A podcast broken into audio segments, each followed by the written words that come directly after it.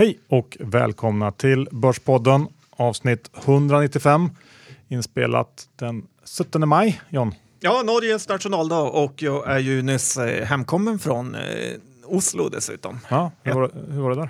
Ja, Norge är ju som en bättre version av eh, Sverige. Sverige 2.0. Härligt. Ja. IG Markets är ju vår nya huvudsponsor John. Ja, det är de och det är vi väldigt stolta över att eh, säga.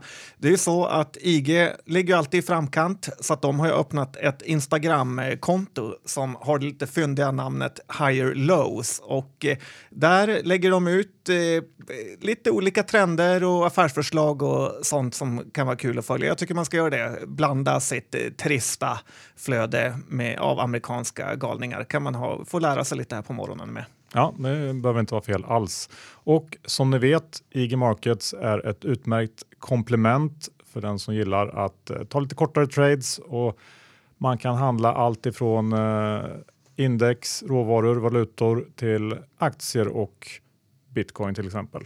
Ja, och eh, blanka aktier som inte alla andra kan erbjuda. Dessutom har de ett nyhetsbrev som eh, faktiskt är bra och eh, som alla kan få som signar upp sig på det. Och lite av den här personliga servicen har de också, så ringer man dit så svarar de direkt. Du hittar allt på ig.com, eller hur Johan? Jajamän. John, vad ska vi prata om idag? Ja, men idag blir det ju som sagt lite Norge special med alla eh, lite urval av norska bolag. Sen har det ju kommit en hel del rapporter, klädbolag och eh, sen ska vi även titta lite på Affärsvärldens fond. Ja, och jag känner att det kanske är dags att börja lyfta fram eh, bäsen lite grann också. Så att um, den kommer alltså. Ja, det väntar vi alltid på. Ja. Men innan vi kör igång podden så har vi ju också ett budskap ifrån neckwear.se som är våra sponsorer. De är som alla vet specialiserade framförallt på skjortor på nätet och accessoarer. Och vi har ju den här unika rabattkoden som ger 20 i rabatt rakt av. Ja, man anger bara Börspodden så får man 20 friska procent. Ja, fri frakt, fri retur, retur, väldigt snabba leveranser och de har ju ett fint utbud av märken som Iton, Stenströms, Hugo Boss med mera. Så att gå in där, kika och eh, ropa hem någonting snyggt nu till vårens alla fester. Ja, jag ska komplettera mitt utbud från grosshandlaren med några schyssta skjortor. tycker jag du kan göra. Nu kickar vi igång dagens avsnitt.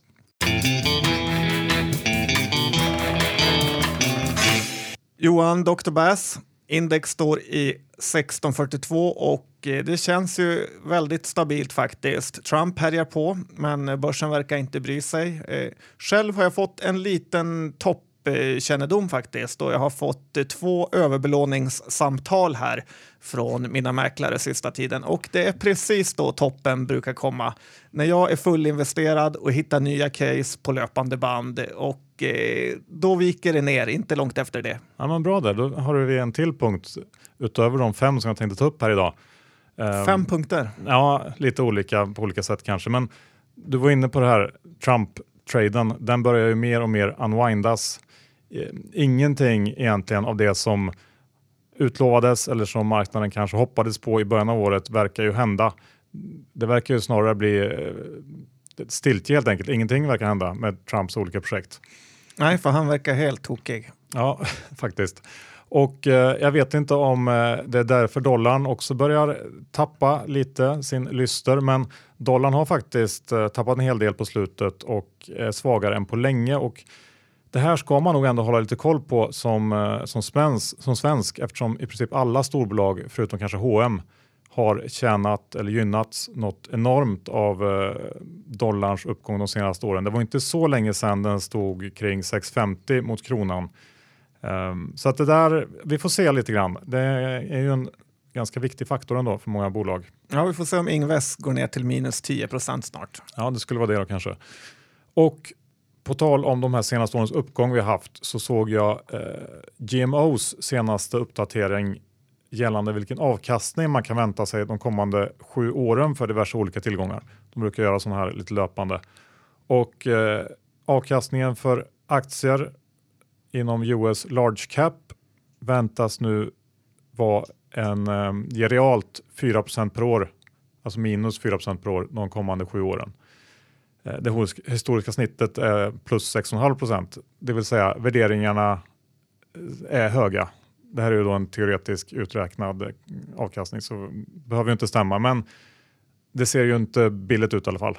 Nej, köp och behåll funkar inte då? Nej, i alla fall inte de kommande sju åren. Klart, man kan ju vänta 20-30 år, men det är ju lite tråkigt att torska 4% om året först eh, i sju år. Mm, sju svåra år då framför oss. Ja, det var bra uttryckt. Och eh, du var i Oslo i helgen, jag var i Göteborg.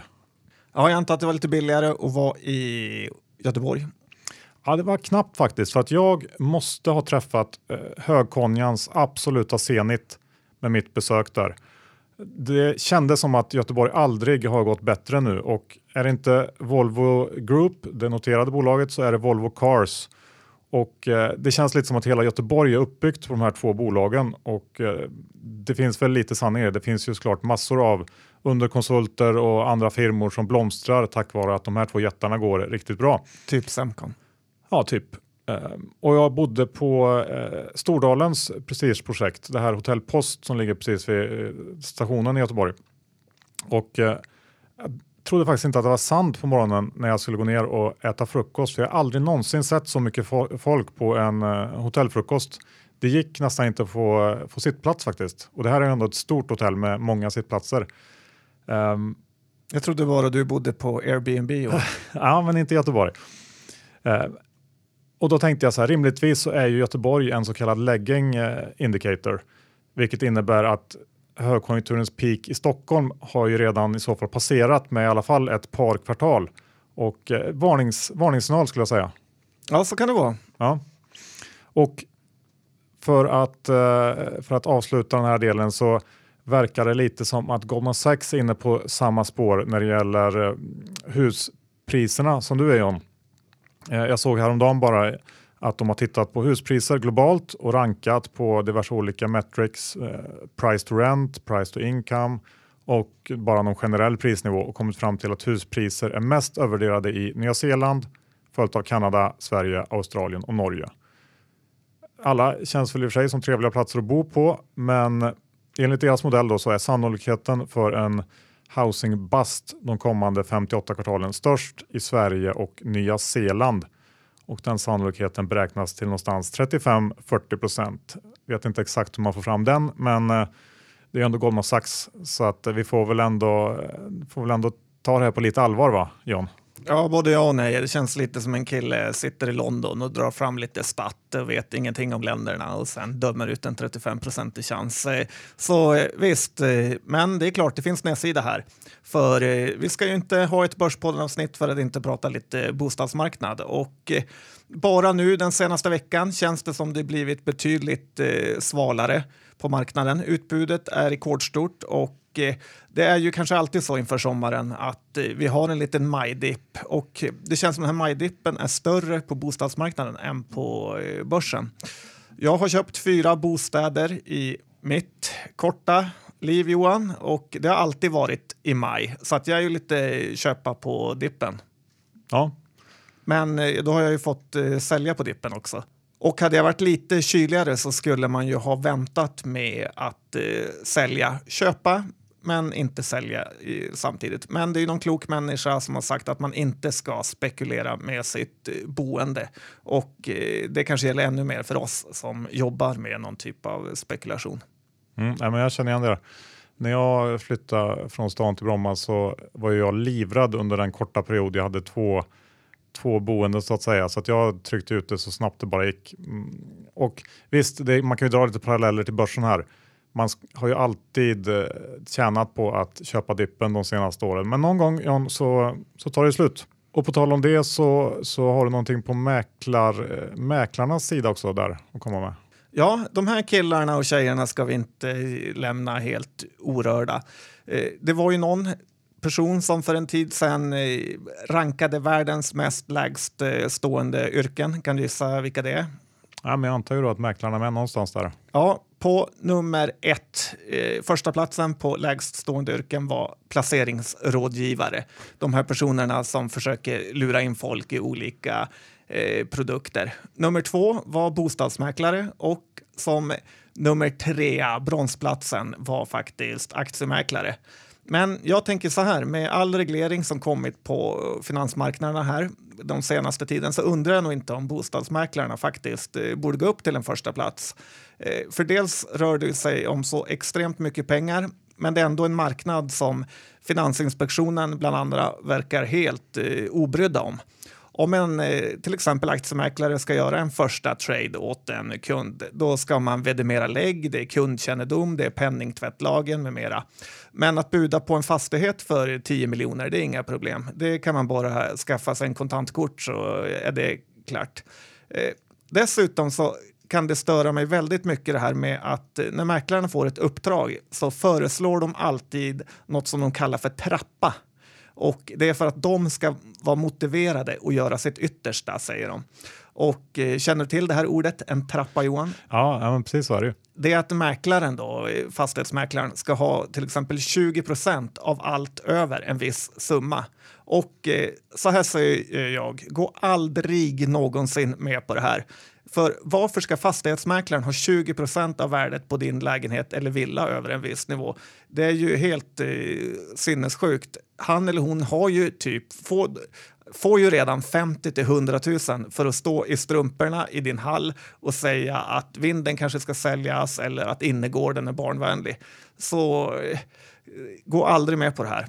Och eh, dessutom så hävdar ju mäklarna alltid hur bra de är och eh, vilket stort kontaktnät av spekulanter de har. Men det är precis enda som spelar någon roll. Det är eh, hur marknaden är just eh, nu och då. Håller helt med dig om. Ska vi gå över till eh, korpfirmorna? Ja, här har vi lite andra dishonest people som eh, Trump skulle eh, sagt. Och det sätts ju sämre och sämre grejer på börsen och nu börjar jag känsla, få en känsla av att det går så långt att de här korpfirmorna nästan försöker lura sina egna kunder. Ta till exempel Freedesk som sedermera sattes på börsen. Man får teckna aktier i det här bolaget på, till 3,50 och när den börjar handlas första dagen så handlas aktien till nästan en krona, Johan. Ja, det... Är, är det acceptabelt? Nej, det är det inte.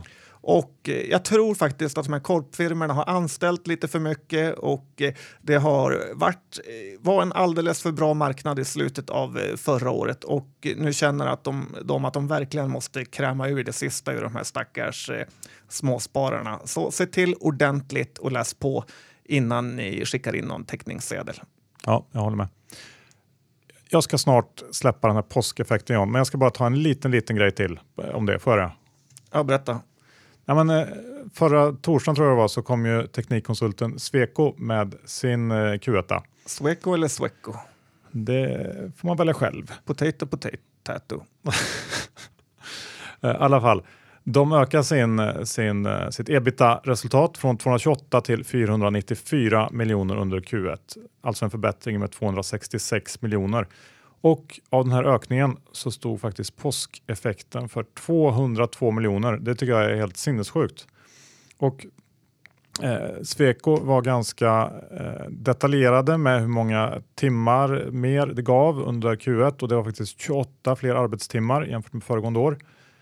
Men de kommer att få ge tillbaks 26 timmar direkt här i Q2 och ja, ännu en gång så ska det bli väldigt intressant att se hur det här slår mot Q2 och om börsen, eh, ja, även om man vet om den, kanske ändå inte riktigt har eh, diskonterat den. Vi får se, men eh, det var ett väldigt talande exempel tycker jag, så jag var tvungen att ta upp det. Vi går över till Affärsvärlden Fonden. Ja, och eh, först och främst så ska man väl kanske ta upp deras rek. De hade förra veckan där de rekommenderade att köpa Björn Borg en eller två dagar innan själva rapporten. Ja, en dag innan tror jag. Och eh, det kändes som att man var helt omedveten om detta. Såklart som alltid när man gör så här så blir ju rapporten dålig och aktien föll eh, ganska ordentligt. Jag läste en hel del bittra kommentarer på sociala medier av eh, att de kände sig inlurade i det här. Eh, själv har jag aldrig riktigt trott på det här Björn Borg-konceptet, men däremot tror jag mycket på deras vd som är lite av en övermänniska i och med sina strapatser till Nordpolen och så vidare. Och en bra vd brukar ju räcka, i alla fall till en hög värdering. Ja, ja vi får se. Och eh, ska man titta på den här eh, fonden då, som Affärsvärlden har startat så får man ge den ganska lågt betyg faktiskt. Det känns, och det påminner mig lite om när vi traders på Remium hade en gemensam portfölj där vi skulle samla våra bästa gemensamma case. Men sen när den här tradingportföljen börjar gå dåligt så vill inte ens eh, någon logga in och se hur mycket back vi var. Och lite samma känsla får jag här. Affärsvärdenfonden har ju bara 100 millar i insatt eh, kapital och alla vet ju att eh, det finns ingen som helst lönsamhet med en sån eh, liten fond. Och eh, jag tycker också att en fond, har jag sagt förut, med bara 100 miljoner borde kunna leverera mer än index, betydligt mer, med tanke på alla chanser man får som de större fonderna inte har.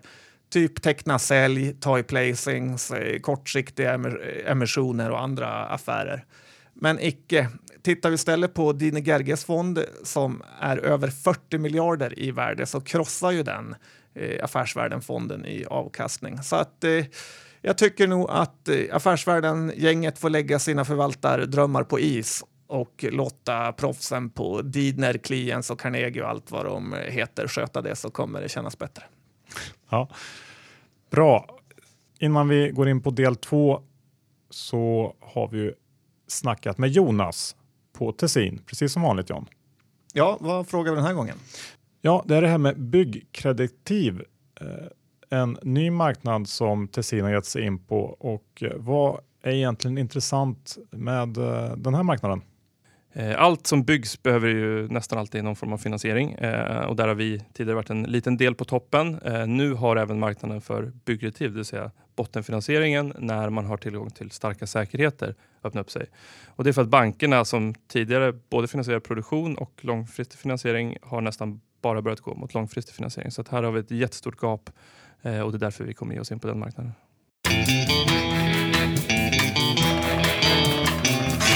John, då börjar vi snacka lite rena aktier och bolag. Ska vi börja med eh, en liten eh, uppsamling av de mindre retailbolagen som i likhet med sina amerikanska kollegor haft det fortsatt tufft. Vi har haft, eh, fått in Björn Borg som vi pratat om tidigare och även Odd Molly under veckan.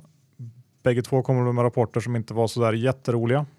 Nej, så var det. Björn Borg, som sagt, gick ner ganska mycket på sin rapport. Det här bolaget är ju ganska dyrt med ett P-tal kring 20 och eh, jag fotade även av den här butik, en Björn Borg-butik när jag var i Oslo som var helt eh, tom eh, en lördag dessutom, så att det lovar inte gott. Odd Molly är ju däremot ett case som jag gillar lite mer och man ska ju vara försiktig med klädaktier generellt. Eh, men jag tror att det är mer själva butiksaktierna man ska vara rädd för än klädmärkesaktier om man kan göra den eh, skillnaden. För även om man handlar på nätet så vill man ju inte bara köpa no name brand för det utan man vill ju ha något man gillar. Och det jag gillar med aktiekursen, eller aktien Odd Molly, för det är ganska svårt för mig att egentligen veta om de har ett eh, bra mode eller inte. Så har ju den här... det är ganska svårt för dig generellt, men ja. Tack. Eh, eh, men den har ju hamnat i en väldig snegunga och eh, då tycker jag att det kan vara kul att ta ett litet minispäck i det här. Aktien handlades ju som mest uppemot 57 kronor när det var en rek från Börsveckan tror jag som kom. Sen har ju aktien tappat på den eh, allmänna klädoron som varit. När rapporten kom stod aktien i 48-49 kronor och eh, gick tappa 10% på rapporten, gick ner till 44. Sen gick utdelningen på en krona och eh, sen har säljtrycket fortsatt nu. Nu handlas den ner mot 41 kronor och eh, då har den tappat cirka 25% på en eh, kort period och på en rapport som inte var så dålig egentligen. Visst, den här vinsten minskar lite, men försäljningen den växte och eh, mycket av vinstminskningen som ändå var på bara en miljon eller så berodde ju på den här expansionen.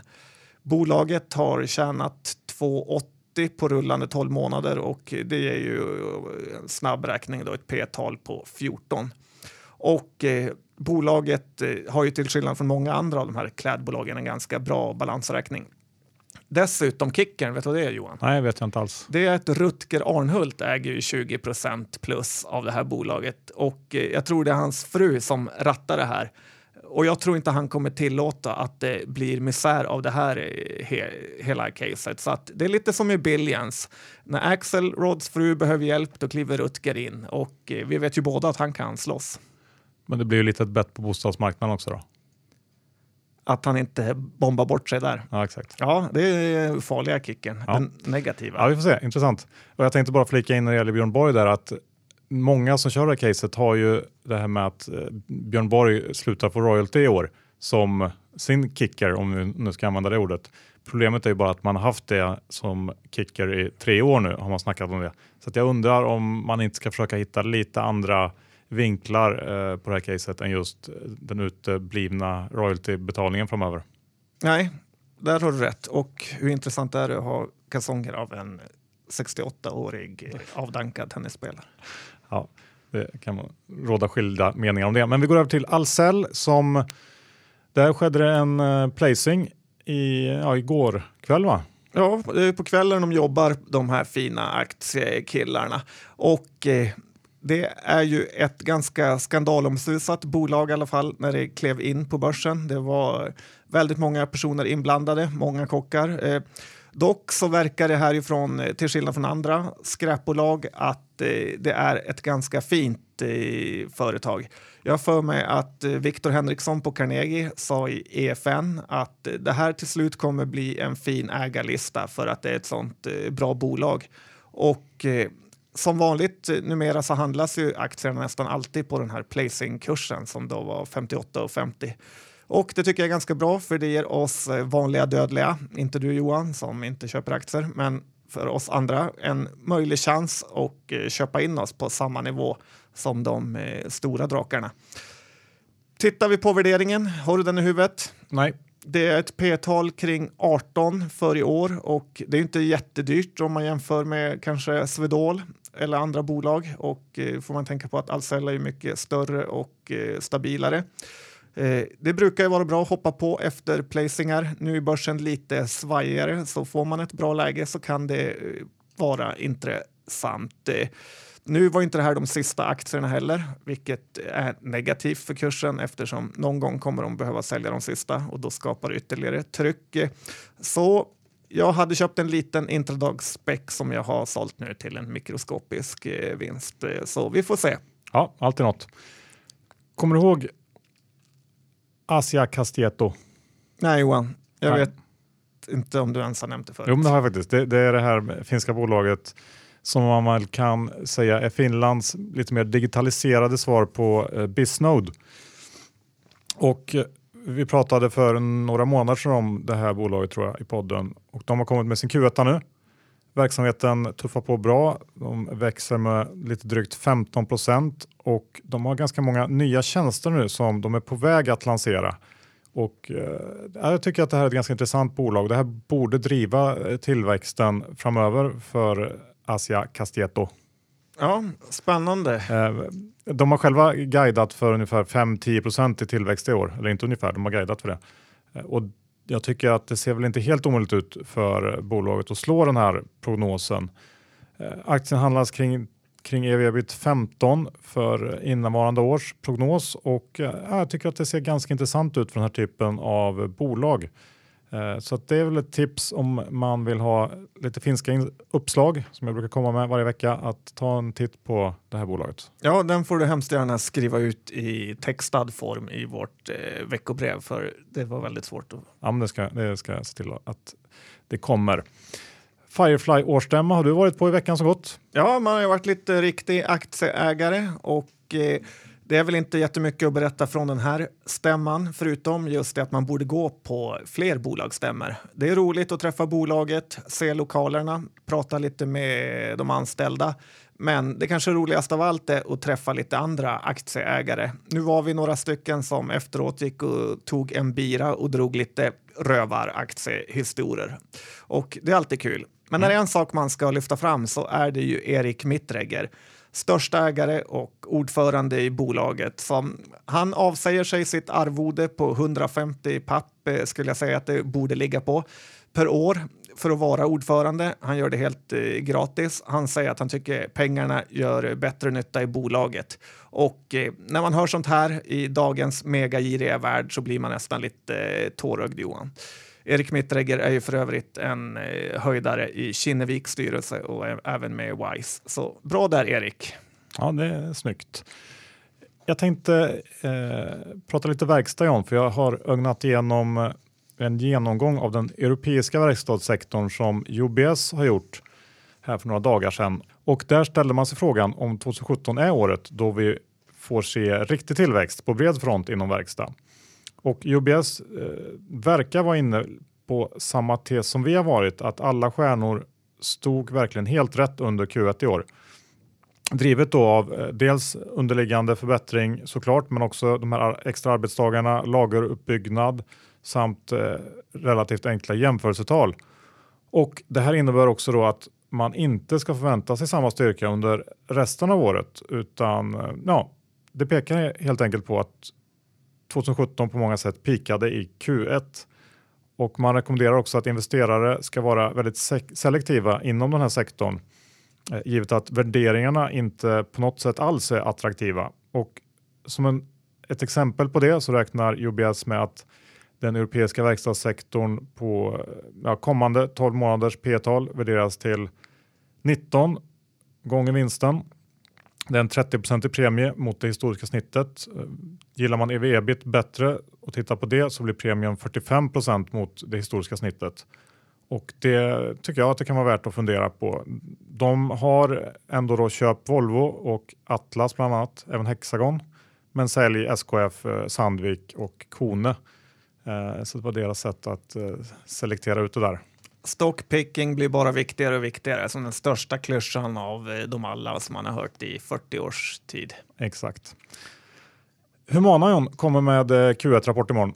Vårdbolaget. Ja, som ju har halkat efter peers som till exempel Attendo eh, en del på slutet. Bolaget är inne i en ganska kostsam omställningsfas inom ett av sina affärsområden där man konverterar sådana här transit och migrationsenheter eller boenden till mer specialiserade behandlingshem och då krävs det en hel del investeringar för att göra det. Allt för att lura av staten det lilla sista. Så kan man också se det. Men det här kommer i alla fall belasta Q1 eh, samtidigt som då kalendereffekten har motsatt effekt. Så att man kan nog inför den här rapporten räkna med en mer eller mindre oförändrad ebit mm, jämfört med förra året. Och även om man inte helt då kan jämföra eh, Humana med till exempel Attendo så tycker jag ändå att värderingsskillnaden känns som att den har blivit lite väl stor här på slutet. Borde ändå finnas hyggliga möjligheter de kommande åren för Humana. Handlas till EV, EV ebit 13 någonstans på eh, 2017 års prognos och ja, det känns väl ändå som ett eh, hyggligt läge här. Men det är som sagt rapport imorgon. Ja, eller så är det som Warren Buffett eh, säger, bättre att köpa ett eh, wonderful company till ett dyrt pris än ett mediokert company till ett eh, bra billigt pris. Där har han ju en poäng. Du, eh, Catena Media, CTM, kom in med rapport i morse. Ja, jag såg att eh, Lo Mannheim eller Magnus Andersson slet eh, det lilla håret han hade kvar efter den 10-procentiga nedgången idag. Ja, eh, kan väl i och för sig inte riktigt förstå varför han gjorde det. Nej, men rapporten var, om man tittar på Carnegies eh, estimat så såg jag att den var 8% sämre på ebit-nivå. Och aktien är väl ner runt 10% här när vi spelar in på förmiddagen. Och det tycker inte jag alls är konstigt egentligen. Den här aktien har gått väldigt starkt och multiplarna är höga. Och då är det väl rimligt att man straffas ganska hårt om ja. man missar. Det kostar att ligga på topp Johan, men ja. det är alltid värt det. Ja, men, ja, så är det bara. Och jag har inte kollat i detalj på den här rapporten så att mycket mer än så tror jag att vi inte, vi säger inte mer än så helt enkelt. Utan vi går över till Sagax preffen John, där du har haft eh, en liten trade på gång. Du har pratat om den i podden på slutet. Hur går det där? Ja, den tuffar ju på uppåt här inför bytet. Jag sålde av lite när den var uppe i 33,20, 33,30 vilket ger en Sagax D-kurs på 29, vilket jag tycker är lågt fair value om man säger så. Men det är bättre med en fågel i handen än 18 i skogen. Eh, dock så köper jag gärna tillbaka de här kring 32,50, 32,60 och som sagt, eh, nu när man alternativen här har börjat komma så alternativ 1 är mitt självklara val och eh, jag råder också folk att hålla koll på aktien då det kan bli stökigt i slutet av sådana här inlösensperioder. Så att, eh, ja, ni vet vad jag tycker. Ja, men bra. Kul att det gick som det skulle. Det har du ju inte riktigt gjort för Peptonic, Sydings eh, lilla krämbolagsfavorit. Ja, men idag är jag nöjd för den var i alla fall nyss upp 160 procent eh, för att de ska börja sälja sin verkningslösa gel receptfritt. Och det som kanske är roligast med hela den här studien, om jag har fattat den rätt, då, var att alla som testade krämen blev bättre. Även de som fick eh, placebo. Så ett kan man undra, har de blandat ihop det här igen? Eller är människor verkligen så här mentalt eh, svaga så att placebo hjälper precis lika bra? Vad tror du? Jag tror på alternativ två där. Ja, tyvärr tror jag också I alla fall i det här fallet. Ska vi, vi lämnar Peptonic och går över till eh, Midsona. Ja, det här är ett bolag som eh, har förvärvat börsens eh, kanske sämsta bolag, Bringwell. Och det måste vara skönt för Bringwell-ägarna att komma ur den här härvan och få lämna över den till Midsona. Jag har ju länge tyckt att Midsona är en alldeles för dyr aktie, men eh, det verkar inte ha spelat någon roll och det är bara att acceptera då. Jag älskar ju det här med Sona och ville bygga en stor position när den handlades under 30 kronor. Men sen kom den här förbannade riskakehärvan och lurade ur mig på botten. Eh, det är ju sånt som det kan gå ibland på börsen. Eh, jag vet ju inte om jag har så mycket rättigheter att säga något om Midsona då jag i princip varit fel på pucken nu i två års tid. Ja, men det var i alla fall en intressant reflektion om Bringvall. där. Att du tycker inte att det var särskilt bra förvärv och det kan jag väl hålla med om. Eh, att det i alla fall historiskt sett inte varit något kul bolag att äga. Jag tänker att vi går över en eh, sista gång till Finland för att eh, det här bolaget heter Raisio som jag pratade om också för inte så länge sedan som ju håller på med eh, ja, ekologiska och hållbara eh, produkter, matvaruprodukter helt enkelt, har kommit med sin Q1. Ja, hur var den? Ja, men den var, var väl, den var ganska tråkig, precis som det här bolaget är egentligen. Uh, I linje med förväntningarna Bolaget lämnade sin guidance för 2017 oförändrad och den här strategiuppdelningen som jag pratade om förra gången, den kom också. Och även den var väl ungefär som väntat. De ska fortsätta det här fokuset på ekologiskt och hållbart och tillväxten då som eh, det är det man vill att den ska börja komma igång lite. Den ska accelereras via produktutveckling och selektiva förvärv. Det återstår väl att se om de lyckas med det. Men gör hon det så kommer den här aktien att eh, må bra, det tror jag.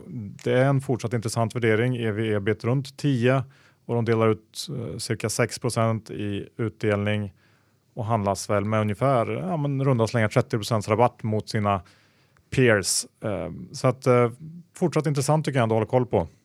Ja, verkligen. Mm. Det är mm. kul med lite inslag från Finland. Ja, men det är det. BTS, John, det här utbildningsbolaget som håller på med eh, rollspel, brukar vi säga ibland lite skämtsamt, eh, har kommit med sin Q1. Ja, men jag tror faktiskt att de jobbar mycket med rollspel. Och eh, på något sätt så stiger alltid den här kursen till någon typ av rättvisande aktiekurs. Eh, och den är på en nivå som gör att man både kan tycka att det är billigt och dyrt beroende på hur man eh, räknar. BTS har ju mycket av sin verksamhet i United States of America och eh, därför gynnades de inte så mycket av det här som kallas påskeffekten. Eh, och därför borde inte heller Q2 bli så svag som den kanske blir för andra bolag. Jag äger lite BTS och det är mest för att jag tror när den här fonden PSG-innehav, eh, när det har löst sig så kanske aktiekursen kan komma upp lite ytterligare. Men jag är extremt nära att sälja och eh, tycka att det är ett så kallat fair value här. Ja, jag håller nog med om att det känns väl som att ja, det kanske finns lite till, men eh, vill man ha stora uppgångar så är det nog inte riktigt rätt aktie ändå att välja. Och det har ju inte heller den här stackars historien som kallas Aino varit.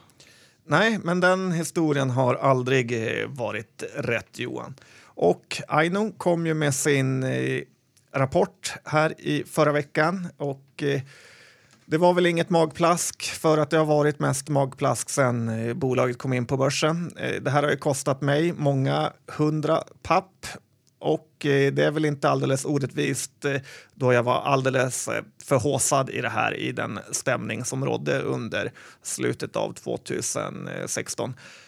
Jag kan också tycka att den här Jyrki Eklund som är vd skulle kunna vara lite mer defensiv i sina rapportkommentarer eh, än han är. Han skriver nu att 2017 har börjat precis så bra som han hade hoppats och eh, jag skulle vilja säga lite mer finsk eh, sisu där som jobbar hårt och snackar lite. Eh, istället... Framförallt är man ju väldigt glad att, att det inte gick lite, lite snett som det kunde ha gjort. Precis, då hade det inte sett så bra ut.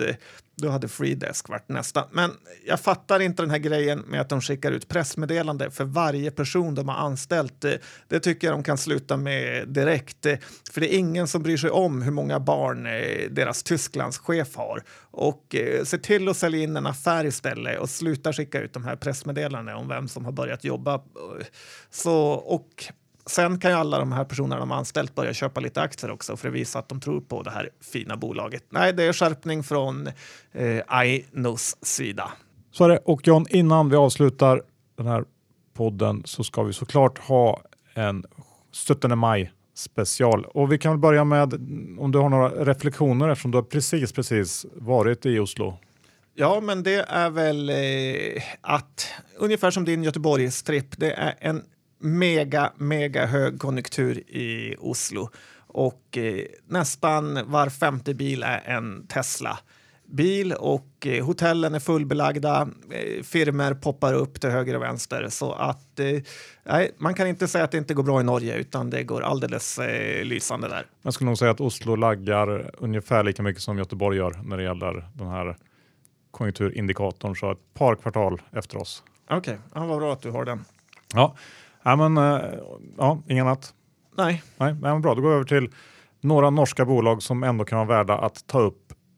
Vi kanske ska börja med uh, Sprit Arcos som uh, du haft uppe i podden tidigare. Ja, det här är ju bolaget som äger och tillverkar gammeldansk med mera. Och rapporten var inte en jätterolig historia. Det berodde ju på två saker. Det ena, den så kallade påskeffekten såklart. Eh, eftersom påsken är Q2 så säljer man snapsarna då och eh, inte innan. Och det här kommer de ju såklart ta igen senare eh, och har väl redan gjort det nu förhoppningsvis. Det som var värre var att deras vinimport inte gick eh, så bra. Det här är i och för sig en låg marginalbusiness eh, eh, som de inte fått fart på riktigt. Aktien har fallit till 46 kronor och eh, som tur för mig var den uppe i 50 kronor och därför har jag ju lyckats sälja mina och ska betala ut en flaska skumpa till eh, Martin Blomgren på DI. Kul för honom. Ja, inte lika kul han som fick köpa mina aktier. Nej, det var ju inte så kul. Men eh, ja, då kanske man kan panta lite burkar istället för att täcka upp den, den förlusten. Ja, Börsplus förnedrade ju norrmännen igår genom att sälja Tomra. Eh, tittar man på Tomra som alla kanske förknippar som du sa med pantburkar eh, så är det ju här ett eh, väldigt fint bolag som vuxit fram genom det. Eh, de jobbar ju också mycket med något som heter automatiserad återvinning och eh, det här kan ju verkligen bli framtiden. Och det är ju på något sätt att maskinerna själva kan sortera vad, vart, vad som ska vara, metaller och olika ämnen och färgämnen och allt vad det är. Och med en sån här ständigt växande befolkning som alla brukar prata om, där man ska återvinna mer och mer, så kan det här helt klart vara framtiden. P-talet eh, kring 1920. Eh, det konstiga är väl kanske att Tomra inte växer så mycket som man skulle kunna tro. Men långsiktigt så borde det här vara ett eh, bra bolag faktiskt. Ja, det borde det definitivt vara. Jag håller med om. Jag tänkte ta bara några korta ord om Storebrand som eh, var väl ett av mina favoritcase i Norge för, ja, jag vet inte vad det kan vara, ett och ett halvt, två år sedan kanske. Jag kommer inte ihåg riktigt. När aktien stod runt 30 norska kronor. Den har ångat på bra sedan dess och har väl mer eller mindre dubblerats och handlas kring 60 norska nu. Och eh, de kom in med en, en Q1 för några veckor sedan som var klart bättre än väntat och rädslan som var stor när vi pratade om den då för, för ett och ett halvt år sedan om ja, deras stora garantiåtaganden inom pension och eh, ja, hela det här, även lågräntedelen har väl sakta men säkert avtagit i takt med att eh, de har gjort de reservationer som krävs och det här, här solvency-måttet som man pratar väldigt mycket om när det gäller storbrand också har hållit sig väl över vad som krävs. Eh, och man har ju också börjat dela ut pengar igen. Det höll de uppe med några år. Och det här har vi gjort då att stor, storbanan värderats upp ganska rejält eh, och om man nu jämför med peers så handlas den här aktien till en, en premie, i alla fall om man tittar på rena vinstmultiplar. Även om eh, price to, to book value fortfarande ser ganska lågt ut. Men, men om man ska summera det på något sätt så känns det lite som att den roligaste resan i Storebrand har gjort när, när eh, massiv pessimism har på något sätt normaliserats eh, för det här bolaget och ja, man har ju då fått 100% också sen vi pratade om det. Så att eh, kan säkert rulla på vidare men i mer maklig takt tror jag. Ja, tror man som du på en kommande krasch så är ju finansbolag inte något man ska äga. Nej, då, då, det ska vi också ha i åtanke. Ska vi avsluta med eh, något inom lax också, för det tänker man ju på direkt när man tänker Norge. Ja, så är det. Och eh, det här är ju ganska intressant hur man värderar de här laxbolagen när man eh, jämfört med hur man värderar Scandi Standard. Eh, nästan alla laxbolag handlas ju till P10 eller under. De har fina utdelningar och eh, verkar gå bra. Priset på lax har stigit eh, mycket sista åren och eh, marknaden är väl lite fundersam om det här är uthålligt. Dessutom så finns det väl lite av de här samma riskerna som kycklingfarmer har med sjukdomar och så vidare. Men bolag man ska titta på och eh, i Norge ger de ju oftast eh, kvartalsvis utdelning, eh, lite varierande i storlek. Och där har vi Backafrost, Marine Harvest, Norway Royal Salmon, Grieg Seafood, är några av alla fiskbolag de har där. Ja, det är fina bolag som man absolut kan ta en titt på. Ja, låga värderingar med. Ja. Så glad 17 maj på er där borta i det mega högkonjunkturlandet Norge.